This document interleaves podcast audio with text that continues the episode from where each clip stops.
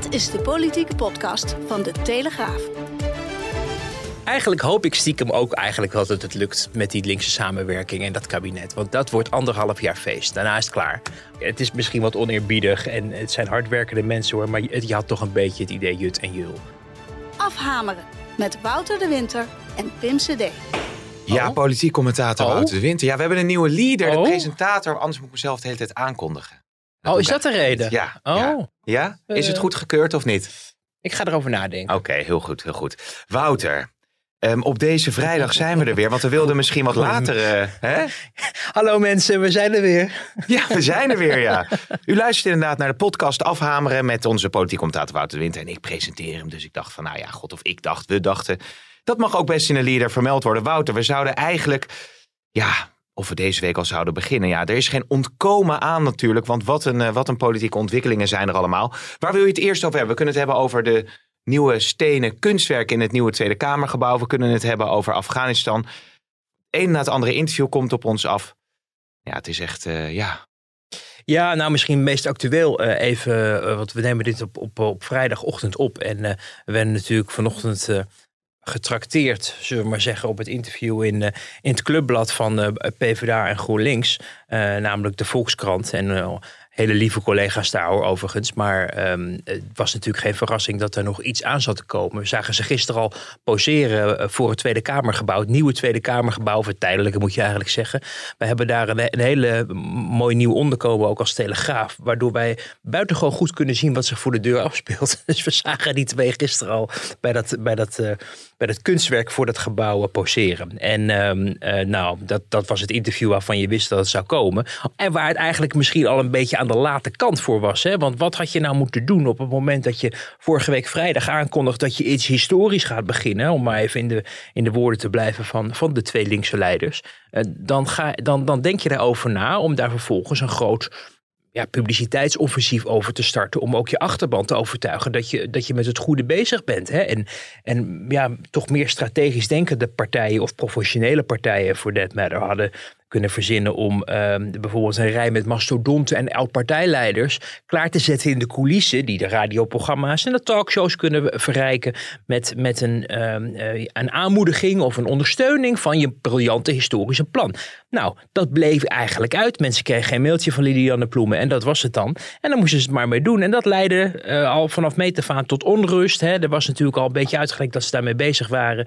En mensen hadden zoiets van ja, eh, hoezo maken Hoekstra en Rutte dat uit voor ons of wij moeten fuseren. En we willen helemaal niet fuseren, maar samenwerken. Enfin, eh, dead on arrival zeggen ze dan ehm, in, eh, in, in goed A- Amerikaans Engels. Eh, maar goed, de- er is natuurlijk morgen, zaterdag, zijn er, is er een ledenraad van de PvdA en een bijeenkomst van GroenLinks.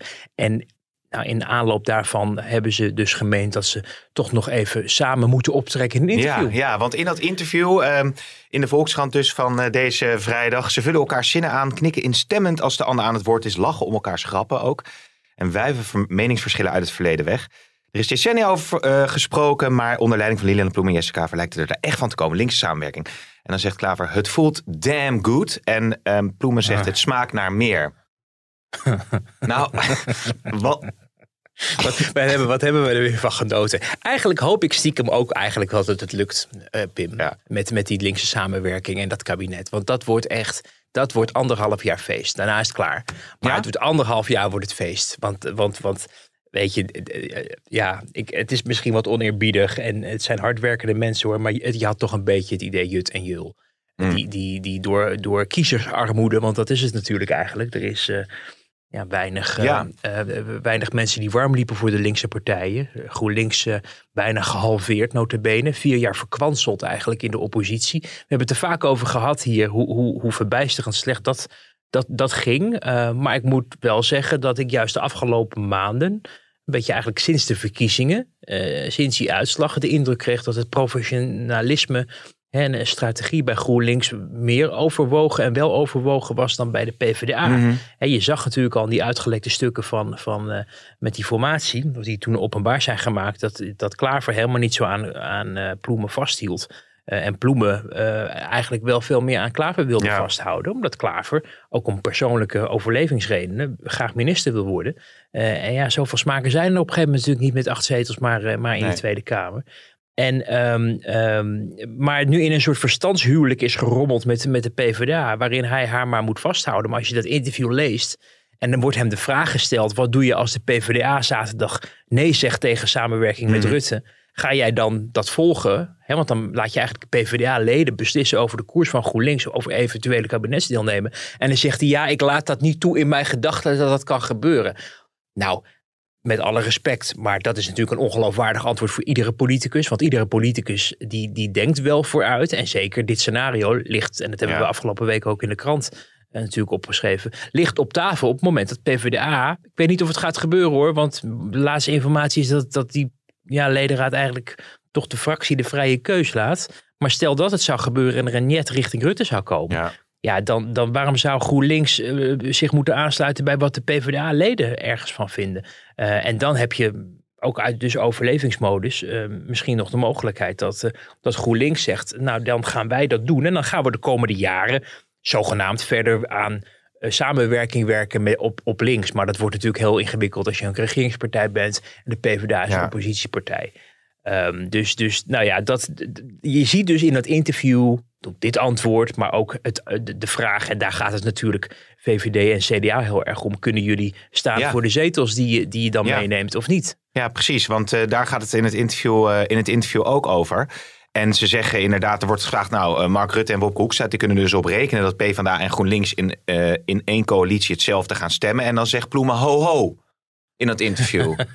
dus, Ja. nee, maar goed, ja, die Je hele... ziet bloemen wapperen met de grondwet en zeggen: hey, iedereen eh, mag, mag eh, hè, de, we hebben geen fracties. Er mogen, ieder Kamerlid mag stemmen en vinden wat hij wil en Ja. zeggen wat hij wil.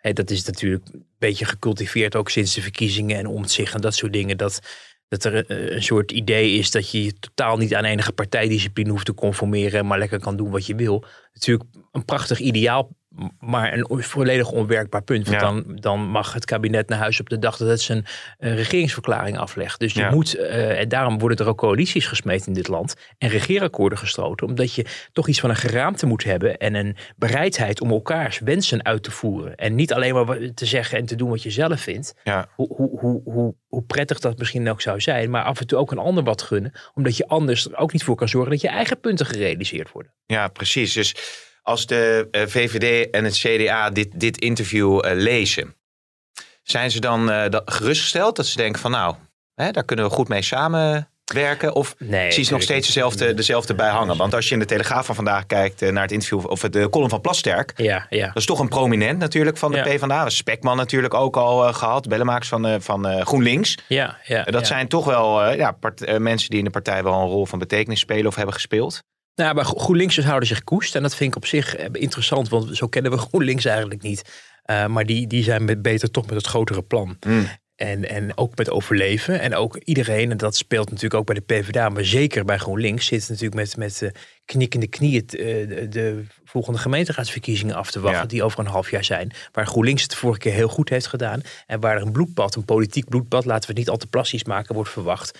En er gewoon een heleboel mensen hun raadlidmaatschap en een wethouderschap dreigen te verliezen. Dus die zijn heel erg aan het nadenken van wat kunnen we doen om te zorgen dat die schade zoveel mogelijk beperkt is. Regeringsverantwoordelijkheid zou eh, dat met zich mee kunnen brengen. Eh, en ook, weet je, kijk je in, in wat gaat het komende kabinet doen. Er moet veel in klimaat- en stikstofbeleid worden eh, gesloten om allerlei redenen. Vanwege de klimaatafspraken, maar ook vanwege stikstof en agenda en al dat soort zaken.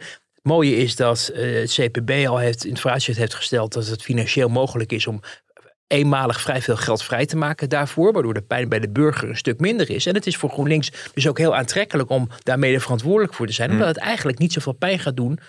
Althans, minder. Laat ik hem eh, even eh, voorzichtig formuleren. Maar de verwachting is dat het minder pijn zal doen voor de portemonnee van de burger. dan het onder andere omstandigheden zou zijn. Ja. Dus voor GroenLinks heel aantrekkelijk om, om, eh, om mee te doen.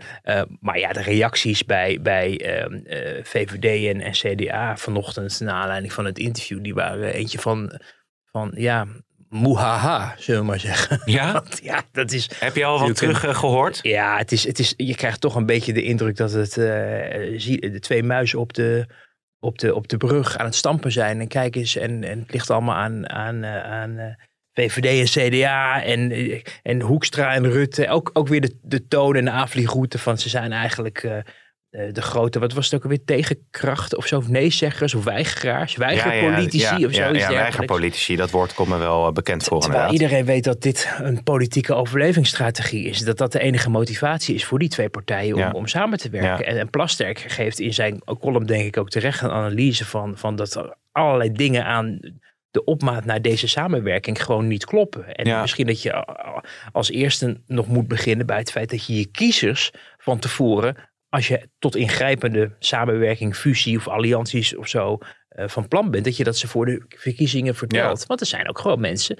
en die, die, die, die spreek je ook echt PvdA'ers, die echt niet, niet voor niks op de Nee, PvdA stemmen nee. eh, in plaats van GroenLinks. Want ehm, dat is toch wel heel interessant. Hè? Ook als je naar de rol van eh, Lilian Ploemen kijkt. Ze, ze benadrukt dat, dat in het verkiezingsprogramma er veel overeenkomsten zijn met, met GroenLinks. Nou, ze legt in het interview ook uit dat het vanzelfsprekend is dat die hand vastgehouden wordt en die innige samenwerking er komt. Maar precies wat jij aanhaalt, eh, eh, de PvdA, de gemiddelde PvdA, misschien of voor zover die bestaat, of de, of de, of de PvdA van vroeger. ja, dat is wel Ja, dat is een goede vraag. inderdaad. want, wat is eh, de gemiddelde PvdA? Ja, want, nog, want Plasterk heeft het daar natuurlijk wel over. Hè. Die heeft het misschien over de leraar of over hè, de, de- Ja. het, het zijn, wat, wat schreef ook weer, leraar of advocaat of mensen misschien die het goed hebben, maar wel een heel erg sociaal empathisch vermogen hebben. Mhm. Anderzijds de, de, de, de arbeider hè, die hard werkt. Eh, allochtoon. Pas, die, die heb pas je die- natuurlijk ook in allerlei. Maar dat Ja. er waren een heleboel mensen die eh, van, van allochtoon, een allochtone achtergrond hadden. En zich daardoor automatisch bij de PvdA gingen melden. In mindere mate ook GroenLinks. En daar is ook concurrentie op gekomen. Ook omdat natuurlijk eh, hè, de nieuwe generaties bij zijn gekomen. Die in Nederland zijn geboren en opgegroeid. eh, en opgevoed. Maar ook ehm, dat er concurrentie is bijvoorbeeld van Denk. Ja. hè, en bijeen. Ja. Eh, waarin mensen zich ook wel herkennen. En dat, dat unique selling point op dat vlak. Of die, die, je had maar één partij waar je bij terechtkomt. Dat is natuurlijk weg. Ja. ja, maar Plasterk zegt eigenlijk van ga nou op zoek naar je kernwaarden voordat je je partij verkwanselt. Nou, Ja, nou ja, dat zegt hij. daarna mag het. Nee, nee, maar hij zegt ga nou eerst uitzoeken waar je voor staat, wat je wil. Er Ja. is een grote, grote historie, natuurlijk- 50 plus zetels. eh, en, en straks Ja, maar daar heeft Plasterk natuurlijk gelijk in. Ik denk wel dat de combinatie van meerdere dingen. Ik denk ook dat het te maken heeft met, met, met aansprekend leiderschap. Hè? En iemand die ook de tijd krijgt om. Maar daar hebben we eerder voor de zomer natuurlijk vaak over gesproken. Een leider die de ruimte krijgt om, om een partij op te bouwen, een koers te bepalen. Ook met de achterban te gaan praten, naar te luisteren. Die gelegenheid heeft Ploemen natuurlijk niet gehad. Omdat als je ineens van toneel verdween door diezelfde achterban. Eh, dus dat, dat is wel iets wat, wat we als vergoelijkende omstandigheid kunnen, kunnen gebruiken. Maar de boodschap van, van links, die is al, al jaren eigenlijk ontoereikend. Hè? Dus zij weten gewoon niet aan te sluiten bij, bij ja, veranderende eh, eh, gevoelens. ehm, eh, eh, ja, zaken die mensen belangrijk vinden. Je ziet in Denemarken dat er bijvoorbeeld op een immigratie-integratieterrein onder sociaaldemocraten een, een veel scherpere koers wordt gevaren dan dat in Ja. veel andere delen Ja. en ook bijvoorbeeld in Nederland eh, gebeurt. Je ziet dat bij de SP dat vroeger nog wel. Hè, de SP heeft onder Marijnissen daar wel een wat stevige koers op gevaren. Dat was de tijd dat ook de SP 25 zetels Mhm. eh, kon halen, notabene. En inmiddels eh, merk je dat, dat die achter, de, de hardcore achterban van de SP daar toch niet aan wil op het moment dat bijvoorbeeld Marijnissen junior, dus hè, Lilian Marijnissen, zoiets voorstelde. Eh, maar je, je ziet op dat, op dat, dat vlak van, van nieuwkomers, van integratie, van, van immigratie, dat daar eh, links het heeft braak laten liggen. Ja. En er zijn toch een heleboel mensen die daar bezorgd over zijn. Die zijn de loop der jaren bijvoorbeeld naar de PVV toegegaan. Ja. Of naar de VVD. Ja. Want ja, in- inmiddels is die partij zo brede gevestigde volkspartij geworden. Dat je, dat, ja, die, kiezers zijn natuurlijk uit Ja. verschillende hoeken gekomen. Maar je kunt je natuurlijk wel afvragen van is dan eh, innige samenwerking eh, het beste voor een partij of moet je je juist scherper gaan profileren Nou, je moet, je en je eigen agenda gaan maken? Ja, nou ja, de vraag is, eh, ik bedoel, ik, zag, ik hoorde dat toevallig gisteren toen ik, toen ik, eh, toen ik uit Den Haag wegreed. Gister, gisteravond was op, op Radio 1 bij eh, Thijs van der Brink. Die had dan een paar van die PvdA-leden. Ik viel er een beetje half in. Ik, la- laat ik me even wegblijven bij wie het precies waren. Mhm. Maar het waren wel mensen die iets betekenden of, of hadden betekend in de, in de PvdA. En ehm, dan hoorde je weer van die, van die gemeenplaatsen als ja, het moet, uh, het moet sterker en socialer. Weet je? Ja, op een gegeven moment, het is sleets, het, het overtuigt niet, het is eigenlijk inhoudsloos. Het is, doet een beetje denken ook aan het nieuwe leiderschap van Sigrid Kaag. Het zijn holle frasen waar eigenlijk je, je ook niet heel erg veel verder mee kan. En nu wil ik niet zeggen dat bijvoorbeeld de VVD nou zulke overtuigende one-liners heeft. Hè? Want dat met dat gezeik met dat vaasje van een paar jaar geleden, dat sloeg natuurlijk ook nergens op. Maar daar zit een, een, een, een man, een persoonlijkheid, die natuurlijk een track record heeft opgebouwd. En zeker in de afgelopen crisistijd, mensen wilden misschien ook wat minder experimenten. Dachten van, nou ja, eh, laten we maar, mm zeker wij, zeker in de crisis afmaken. Maar die, ja, de VVD drijft heel erg op het merk Rutte en het imago Rutte. En iedereen kent hem en weet ongeveer wel hoe hij in de wedstrijd zit. Dat is een achterstand. is, ten opzichte, andere partijen hebben een achterstand daaromtrent. Dus die kunnen niet op zo'nzelfde kurk varen. En dan moet je dus veel meer hebben van je boodschap en je inhoud. En die boodschap nieuw leiderschap overtuigde een heleboel mensen in, in, uh, bij de verkiezingen. Hè. Daarom is D66 ook de tweede partij geworden. Maar je ziet nu dat, dat ook daar wel weer teleurstelling over uitbreekt. Peilingen gaan naar beneden. Waarom? Omdat eigenlijk, ja, wat betekent dat nou eigenlijk, nieuw leiderschap? En hetzelfde gebeurt dus op links. Het zijn, het zijn holle frasen waarin je eigenlijk ja, heel moeilijk kan bepalen, ja, maar, maar wat willen ze nou echt? Ja, het moet, het moet groener en eerlijker. Ja, nou ja, mhm. wat... wat eh, ja, eerlijker. Ja, nou, dat, dat vond D66 ook. En VVD die ging er ook mee aan de slag. En weet je, de unique selling point is, is gewoon weg. Dus je moet, uh, je moet een, een, goede aansprekende leider hebben. Die ook niet het idee geeft dat je de hele tijd maar alleen maar met imago bezig bent. Wat, mm. wat Jesse Klaver natuurlijk heel Ploemen erg minder, toch? Gedaan. Ploemen minder. Uh, maar Ploemen hebben we in de verkiezingen. We hebben zelf een interview gedaan. Uh, Inge Lengton en ik met, met Ploemen. Uh, in aanloop naar die. En de, weet je, er kwam gewoon niks uit. Het enige wat er, wat er, wat er wat nog een beetje ja, eruit sprong, was dat ze natuurlijk wilden zeggen dat Rutte het allemaal niet goed had gedaan. Maar als dat het enige is wat je, wat je kan brengen, ja, dat is wel heel armoedig. Ja, ja, ja, in een kabinet waar ze natuurlijk ook eerder ook um, juist uh, innig mee heeft samengewerkt.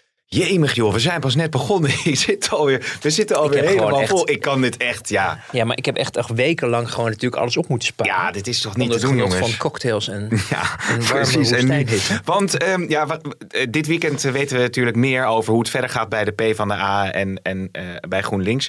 Um, even een uh, tussendoortje. Heb jij uh, de film De Slag om de Schelde gezien, nee. Wouter? Nee. Nee, het is een vergeten operatie hè? En uh, Ank Bijleveld die stuurde wel de grootste op een Nederlands grondgebied met 10.000 slachtoffers. Nu op indringende wijze in beeld gebracht. Het maakt ons bewust van de prijs die is betaald voor onze vrijheid.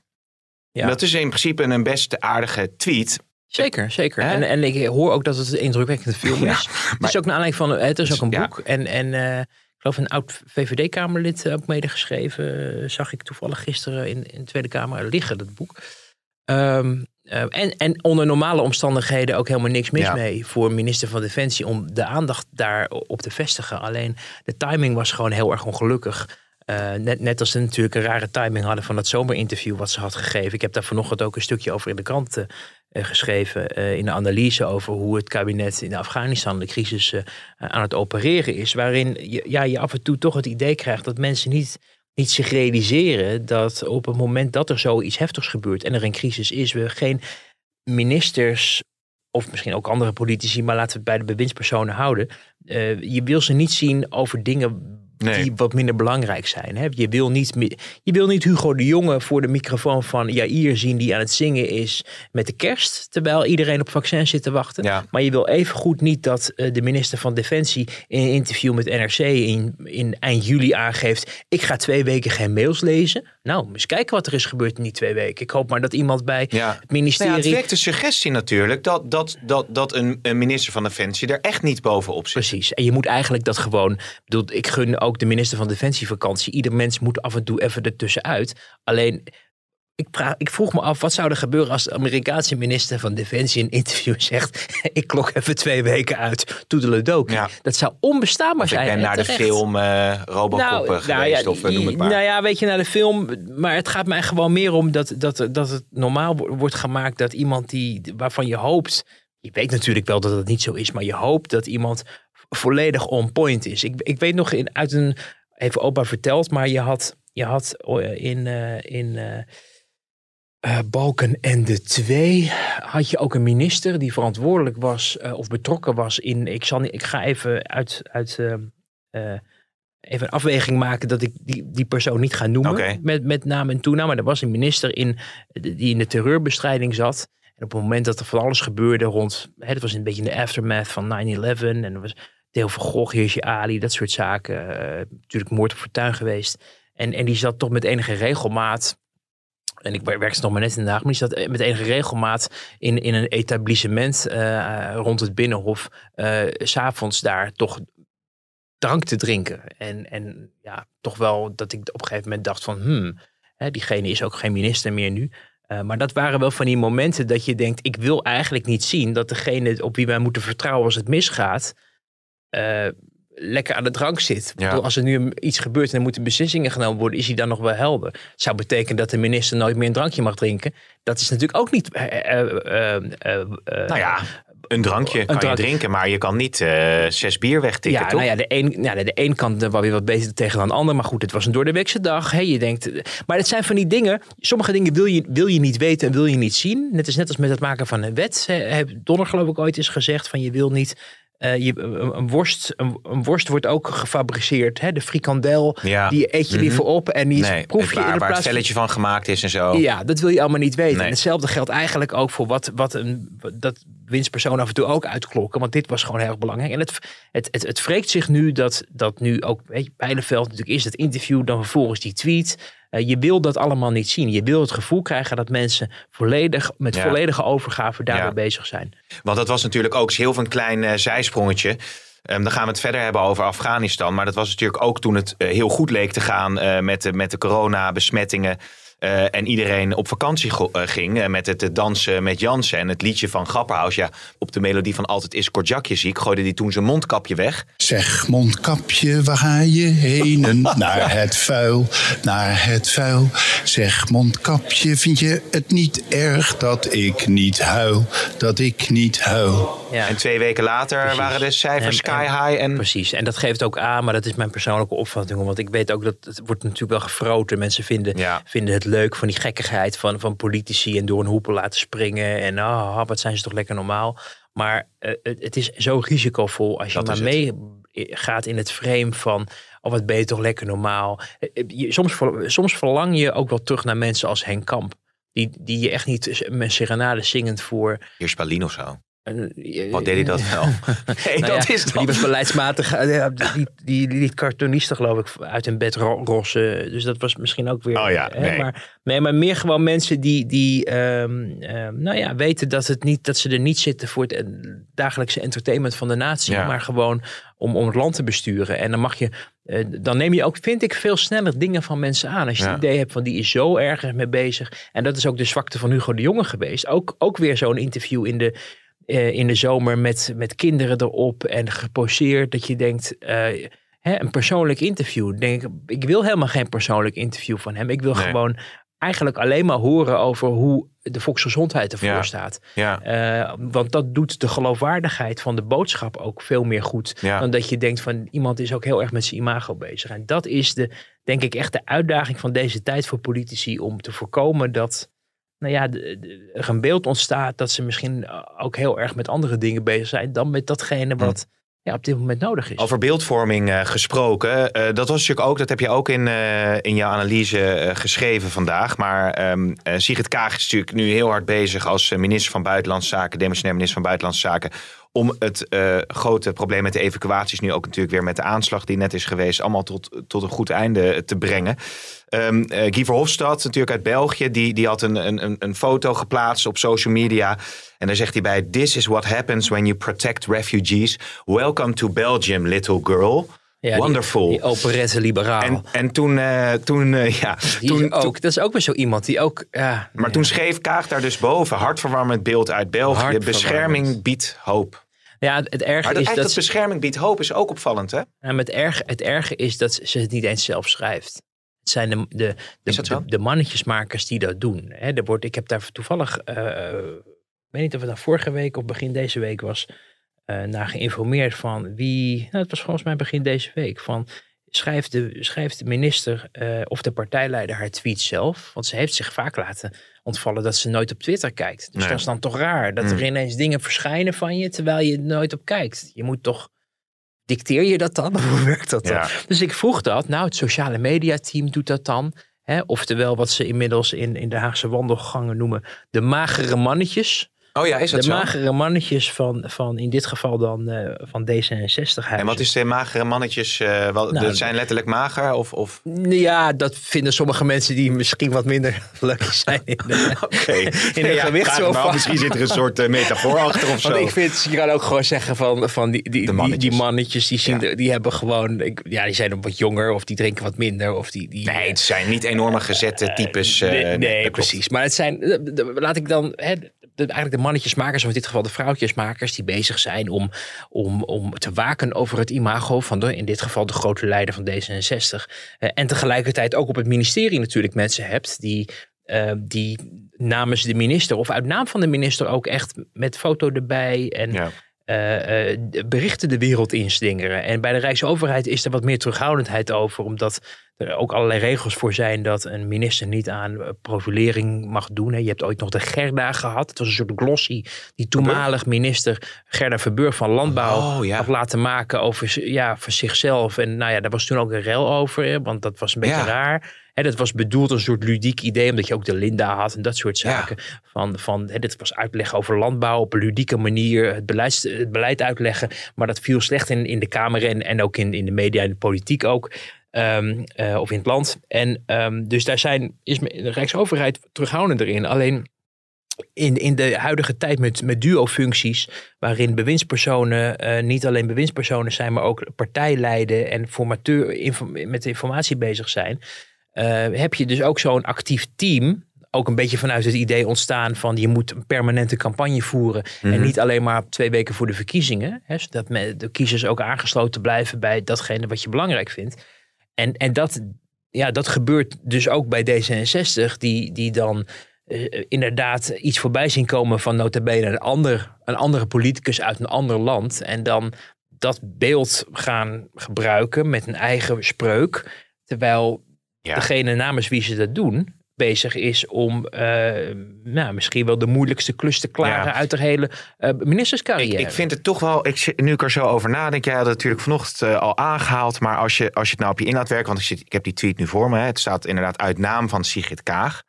Bescherming biedt hoop, gisteren gestuurd. ja. Maar het is op het moment dat Niels Ja. Richter zijn verhaal publiceert over hoe vanuit het crisisteam de evacuaties van Nederlanders in Afghanistan of Afghanen die Nederlanders voor Nederlandse ambassade hebben gediend, één groot spanningsveld is en iedereen gewoon zijn leven onzeker Precies. is. Je zal, er maar, je zal maar achter zijn gebleven nu. Ja. Je zal maar in Afghanistan zitten. Er is, er is geen, niemand van de Nederlandse overheid die daar nog is. Er worden aanslagen gepleegd rond dat vliegveld of op het vliegveld.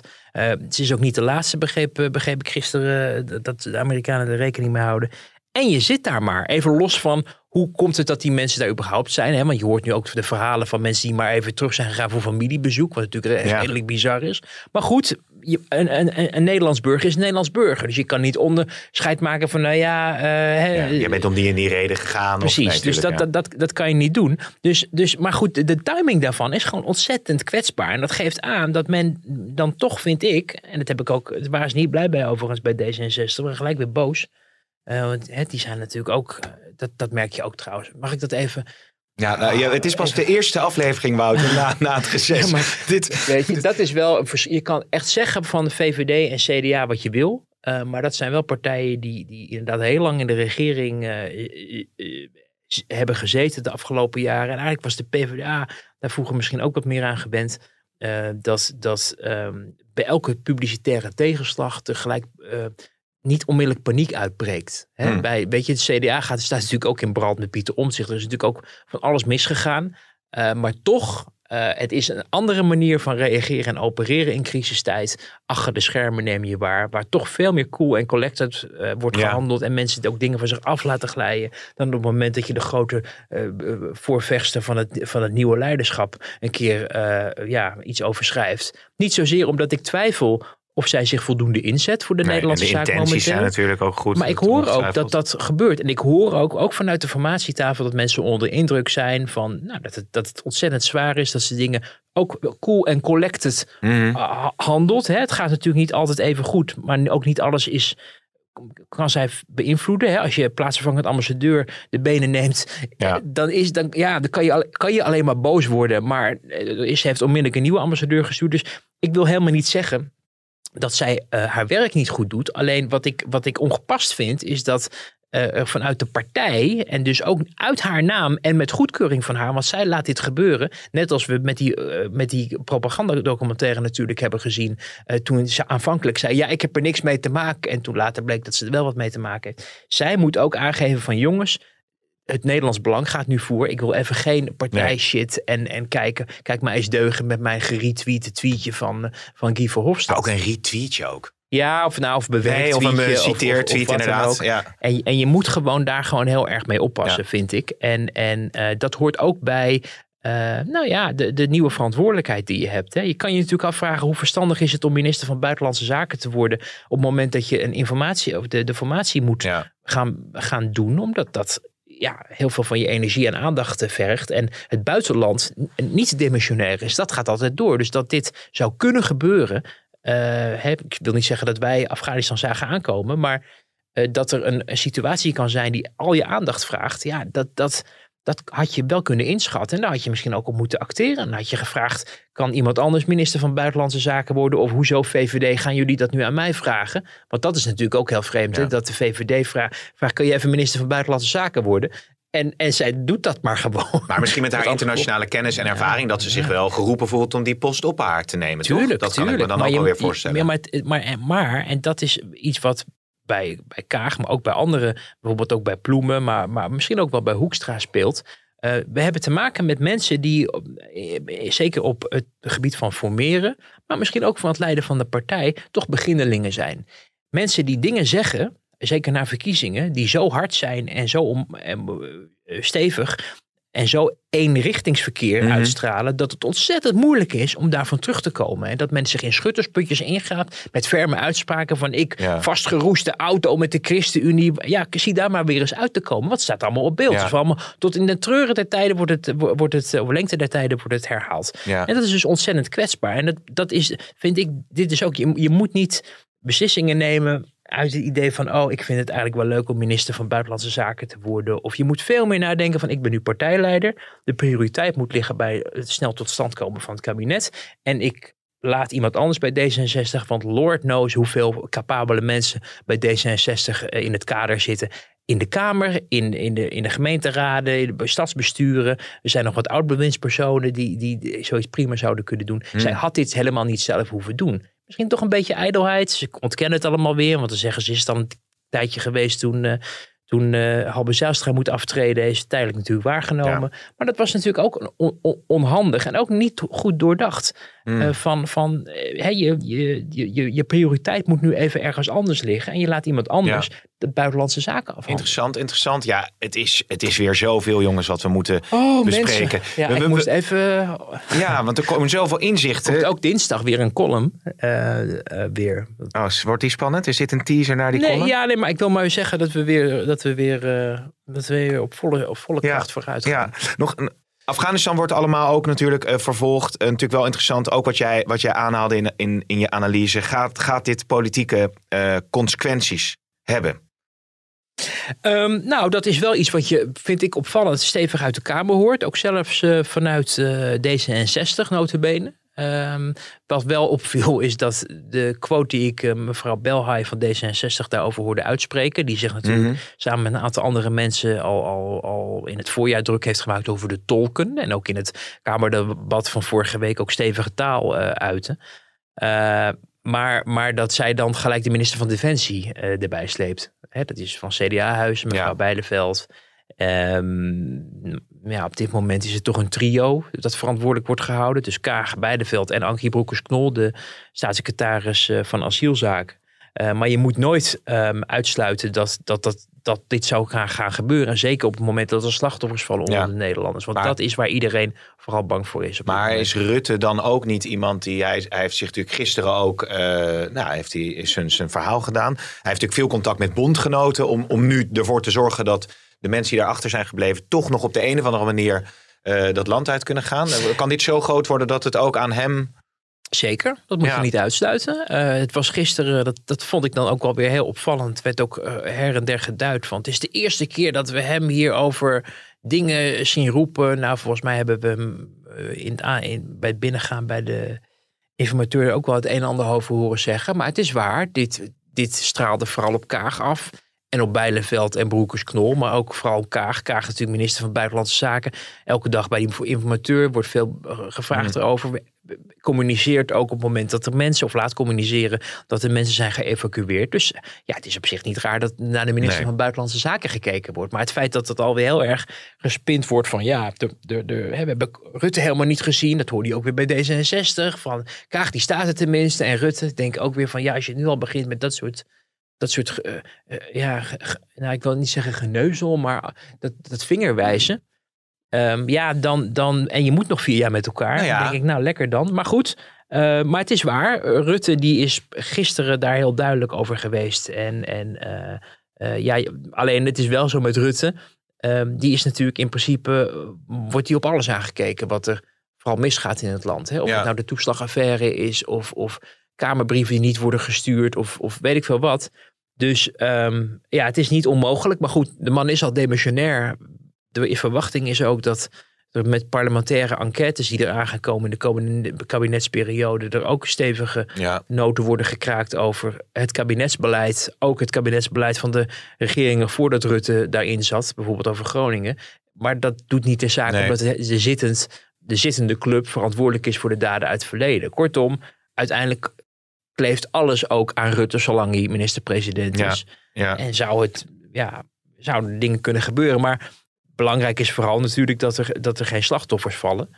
Eh, want ik denk wel, en ik denk dat bij een evaluatie die er, die er ongetwijfeld zal komen, eh, ook wel moet worden meegenomen dat er bij niet de enige waren die in Nee. de problemen zaten met het e- wegkrijgen van Ja, mensen. dat schetste Rutte ook Ja. gisteren. Hè? Dat hij Ja. zei van eigenlijk hebben alle bondgenoten hier op deze manier... eh, En als, een, en als een, een Kamer een motie indient om mensen te evacueren, bijvoorbeeld tolken, en het kabinet doet dat niet, kan je zeggen, ja, het is de schuld van Rutte. Maar je moet toch in de eerste plaats kijken naar de bewindspersonen die die motie aan hun broek hebben gekregen Ja. en die die moeten uitvoeren. Dat is, vind ik wel, eh, wel de volgorde van de dingen. Zullen we nog twee dingen beetpakken? Ik weet niet hoe ver we al in de bonusminuten zitten. Maar ehm, nog even kort over Rutte dan wel. Want laten we wel wezen, 100, 100, god, ik weet het niet precies, 160, 165. Hoe lang zijn we bezig nu met deze formatie? Ja, het was van de week 150 dagen. Dus hè? laten we zeggen Zo- 155. Zo, zoiets. Nou, eh, Rutte zagen we deze week ook weer langslopen. Eh, Houdt zich eh, koeltjes. Zegt van ja, god, het, Mhm. het is allemaal lastig en we gaan, vrolijk, we gaan vrolijk verder. Maar hoe lang is dat nou vol te houden? Hoe, ik bedoel, staan we straks in december staan we er nog? Hij heeft, hij heeft toch als Zeker. demissionair premier, als grootste partij, toch misschien ook de verantwoordelijkheid om op een gegeven moment daar meer regie in te gaan nemen? Ja, nou, dat is, dat zeker. Ik denk ook, ik vind overigens dat je de alle politici die op dit moment aan het meepraten zijn, dat verwijt kan maken. Maar het is niet vreemd om van de grootste partij eh, eh, leiderschap te verwachten in de, in de formatie. Ik denk, eh, overigens merk je dat zeker D66 zich ook zo wil laten gelden. Hè. Die willen daar graag aan meedoen. Daar moesten er ook twee informateurs komen destijds. Jorisma en Ollongren. Ja. Van wij, het gaat niet alleen maar om Rutte. Dus dan mag je ook nu de, de, op de gedeelde blaren zitten, zullen we maar zeggen. Maar zeker heeft Rutte daar ook een verantwoordelijkheid in. Daar is echter een afweging gemaakt. Ehm, naar aanleiding van de- wat er op 1 april gebeurde in dat vreselijke debat. Hè, waarin dat tot midden in de nacht doorging en, Ja. en nou ja, dingen uit de hand liepen. Namelijk dat voor de verkiezingen Rutte heeft gezegd... er moet zo snel mogelijk een kabinet komen. En we moeten al iets van een tijdelijk akkoord sluiten... over de crisismaatregelen en zo. Nou, die werd weggehoond. Ehm, en, en na dat debat hebben ze zoiets, hebben ze, heeft de VVD tijd nodig gehad, omdat tijd hun grootste bondgenoot was. Want ze probeerden van Rutte af te komen in dat debat, dat lukte niet. Nee. Eh, het was eigenlijk een soort poging om de verkiezingen nog even over te doen. Wat bij de verkiezingen niet lukte, namelijk Rutte wegkrijgen, probeerde men in het debat. Dat lukte niet. En je ziet dat in de loop van de tijd, naarmate de, de weken en maanden vorderen, eh, de positie van Rutte eigenlijk alleen maar sterker is Ja. geworden. Terwijl die redelijk zwak st- stond, omdat zelfs de coalitiepartijen de, hun afkeuringen uitspraken ten opzichte Ja. van zijn handelswijze als VVD-leider. Eh, kortom, ehm, het is in het VVD-belang geweest om zo lang mogelijk eh eroverheen te laten gaan. Dat hoorde je ook mensen zeggen bij de VVD. Het gaat goed met het land, eh, de coronacrisis is, is redelijk onder controle, de economie gaat, gaat voortvarend, er is, zijn akkoorden over wat er in de komende begroting moet staan. We krijgen sowieso geen regeerakkoord meer af voordat Prinsjesdag is. Kortom, de druk is van de ketel. En daardoor heeft de VVD zoiets gehad van, nou ja, we gaan mensen Ja. uitroken. Maar dat is wat je nu Ja. ziet gebeuren. Ja, en, en eh, gaat eh, Segers zich laten uitroken? Want eh, die heeft natuurlijk op een gegeven moment gezegd van ja, als ik niet wenselijk ben, nou wat moet ik hier eigenlijk nog? Maar hij blijft maar wel komen. Ja. Zou natuurlijk wel makkelijk zijn als eh Segers, ook al wil misschien CDA en VVD dat niet, op een gegeven moment zegt voor de formatie, ik, ik stop ermee, ik ben er gewoon niet meer. Ja, nee, zeker. Ehm, alleen eh, wat je daarvan hoort, is dat Segers buiten de deur, dus hè, wat we allemaal zien op camera, zegt van nou, ik wil gewenst zijn en nodig zijn. En, en beledigd zich ook toont over wat Kaag dan weer zegt over ik, ik, ik, ik wil Ja. niet met, met, eh, eh, met Segers in deze fase. Oftewel, daar wordt aandrukkelijk de mogelijkheid opengehouden dat in een andere fase het wel het geval zou kunnen zijn. Eh, Binnenskamers hoor je dat Segers mm, helemaal niet zo afwijzend is als hij buitenskamers vertelt. Buitenskamers wordt natuurlijk eh, eh, ook met de achterban gesproken. Je hebt bijvoorbeeld het Nederlands Dagblad, een, een, een, niet hele grote krant, maar wel eentje die goed gelezen wordt in Mhm. de achterban van de ChristenUnie, die op het spoor zit van een gedoogconstructie. en ehm, dat, dat, dat zie je, hoor je ook bij andere partijen, dat nou ja, zo, dat een beetje hun aanvliegroute is. En, en dat misschien ook wel zal blijven. En dat Segers ook probeert om ook via de media zijn achterban ook te vertellen Ja. in welke omstandigheden hij verkeert en hoe hij er tegenaan kijkt. En eh, voor alle partijen geldt dat ze zo lang mogelijk voor de buitenwereld, eh, zolang ze zelf geen commitment hebben af, eh, eh, afgegeven, eh, hun eigen paradepaardje zullen Ja. blijven bereiden. Ja. Het is moeilijk om nu te, want dat zal ongetwijfeld je volgende vraag zijn. Wat gaat er nu gebeuren? Eh, want nee, ik zal, ja, eh, ja, heel afhankelijk van, van wat natuurlijk, of, dat, of, of die het- PvdA-leden zelf wel de deur dichtgooien. Want dan wordt het, heel, wordt het ineens een stuk overzichtelijker. Ja. Op het moment dat dat niet gebeurt en we eigenlijk na zaterdagmiddag geen stap verder zijn gekomen. Nee. Omdat de fracties allemaal hetzelfde vinden en door een achterban niet worden, een kant wordt op, op worden gestuurd. Dan is de rol van, van, eh, van Hamer echt om een knoop door te hakken. En de Hmm. verantwoordelijkheid eh, die ligt dus bij Hamer om op een gegeven moment conclusies te trekken. Maar wat je ook hoort is dat die verantwoordelijkheid een gedeelde verantwoordelijkheid is. En net zo goed ook de verantwoordelijkheid van Mark Rutte en Sigrid Kaag is. Ja. Omdat die in nauw contact staan ook met, met Hamer over dit hele proces. Ja. Dus dit kleeft dan ook aan alle drie. Op een gegeven moment dat Hamer met, met haar eindverslag komt, dan zijn die andere twee partijen zijn daar eh, eh, mee akkoord en hebben daar ja, eh, aan meegeschreven, zullen we maar zeggen. Dit gaat mensen in een slow motion naar een climax. Hè? Ik In denk dat er end. volgende week wel, wel, wel iets. dat, ja, dat dan wel de knoop wordt doorgehakt van dat er afvallers gaan komen. Ja, Ja. ja. En dan is dus ook nog. En dat is wat ik toevallig gisteren nadrukkelijk ook hoorde. Dat eh, je rekening moet houden met een minderheidsvariant. Hmm. Dan, hè, want als, als in het scenario dat er bij de PvdA ehm, ja, geen deur wordt dichtgegooid, dan kan ook Klaver niet zeggen van oké, dan ga ik het wel zonder ploemen proberen. Dus dan heb je de padstelling dan eh, voortduurt. Ehm, nou ja, dan is, is er voor Kaag ook moeilijk manoeuvre- te manoeuvreren, want die heeft immers gezegd ik wil een zo progressief mogelijke club. Zo progressief mogelijk is dan niet met één, maar met twee linkse partijen. Dat ligt een blokkade voor Mhm. VVD en CDA. Dus die kan uit dat schuttersputje ook niet meer Ja. ontsnappen dan. Ja. En dan is voor haar ook weer een afweging van ja, als ik mijn kiezer ehm, eh, wil bedienen en ik wil mijn, mijn verkiezingsbelofte gestand doen, dan zou het wel raar zijn om dan ehm, nu alsnog met de ChristenUnie te gaan. Dus Ja. daar moet ze dan aan vasthouden. Ja. Nou, dan, wat, wat, dan komt de minderheidsvariant in beeld. Met CDA dan alleen. Nou ja, Of niet?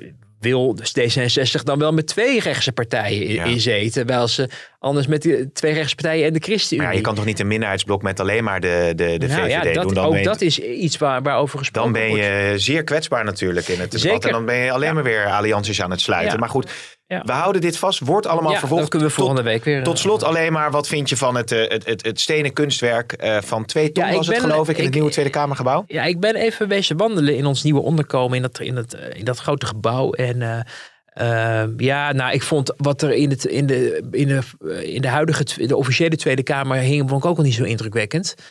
Eh, maar goed. Ja, wat, wat dan eigenlijk? Ja, daarachter, die, dat Ja, wandtapijt. ja, was dat toch? Nou ja, het Met was meer kleuren, een dat- soort ja, opgespoten stukken doorwerk met geschilderd en met dat, dat paars-rode, blauwe Ik- en zo. ik- misschien is het wel een zeer vermaard eh, kunstenaar, Karel Appel of zo. Ik weet het niet. Ja, of Pieter Bruin of zo. Die. Of heeft hij het gebouw weer gedaan? Nou, ik weet het allemaal niet. Hè, voor dat soort details moeten we naar een andere podcast luisteren.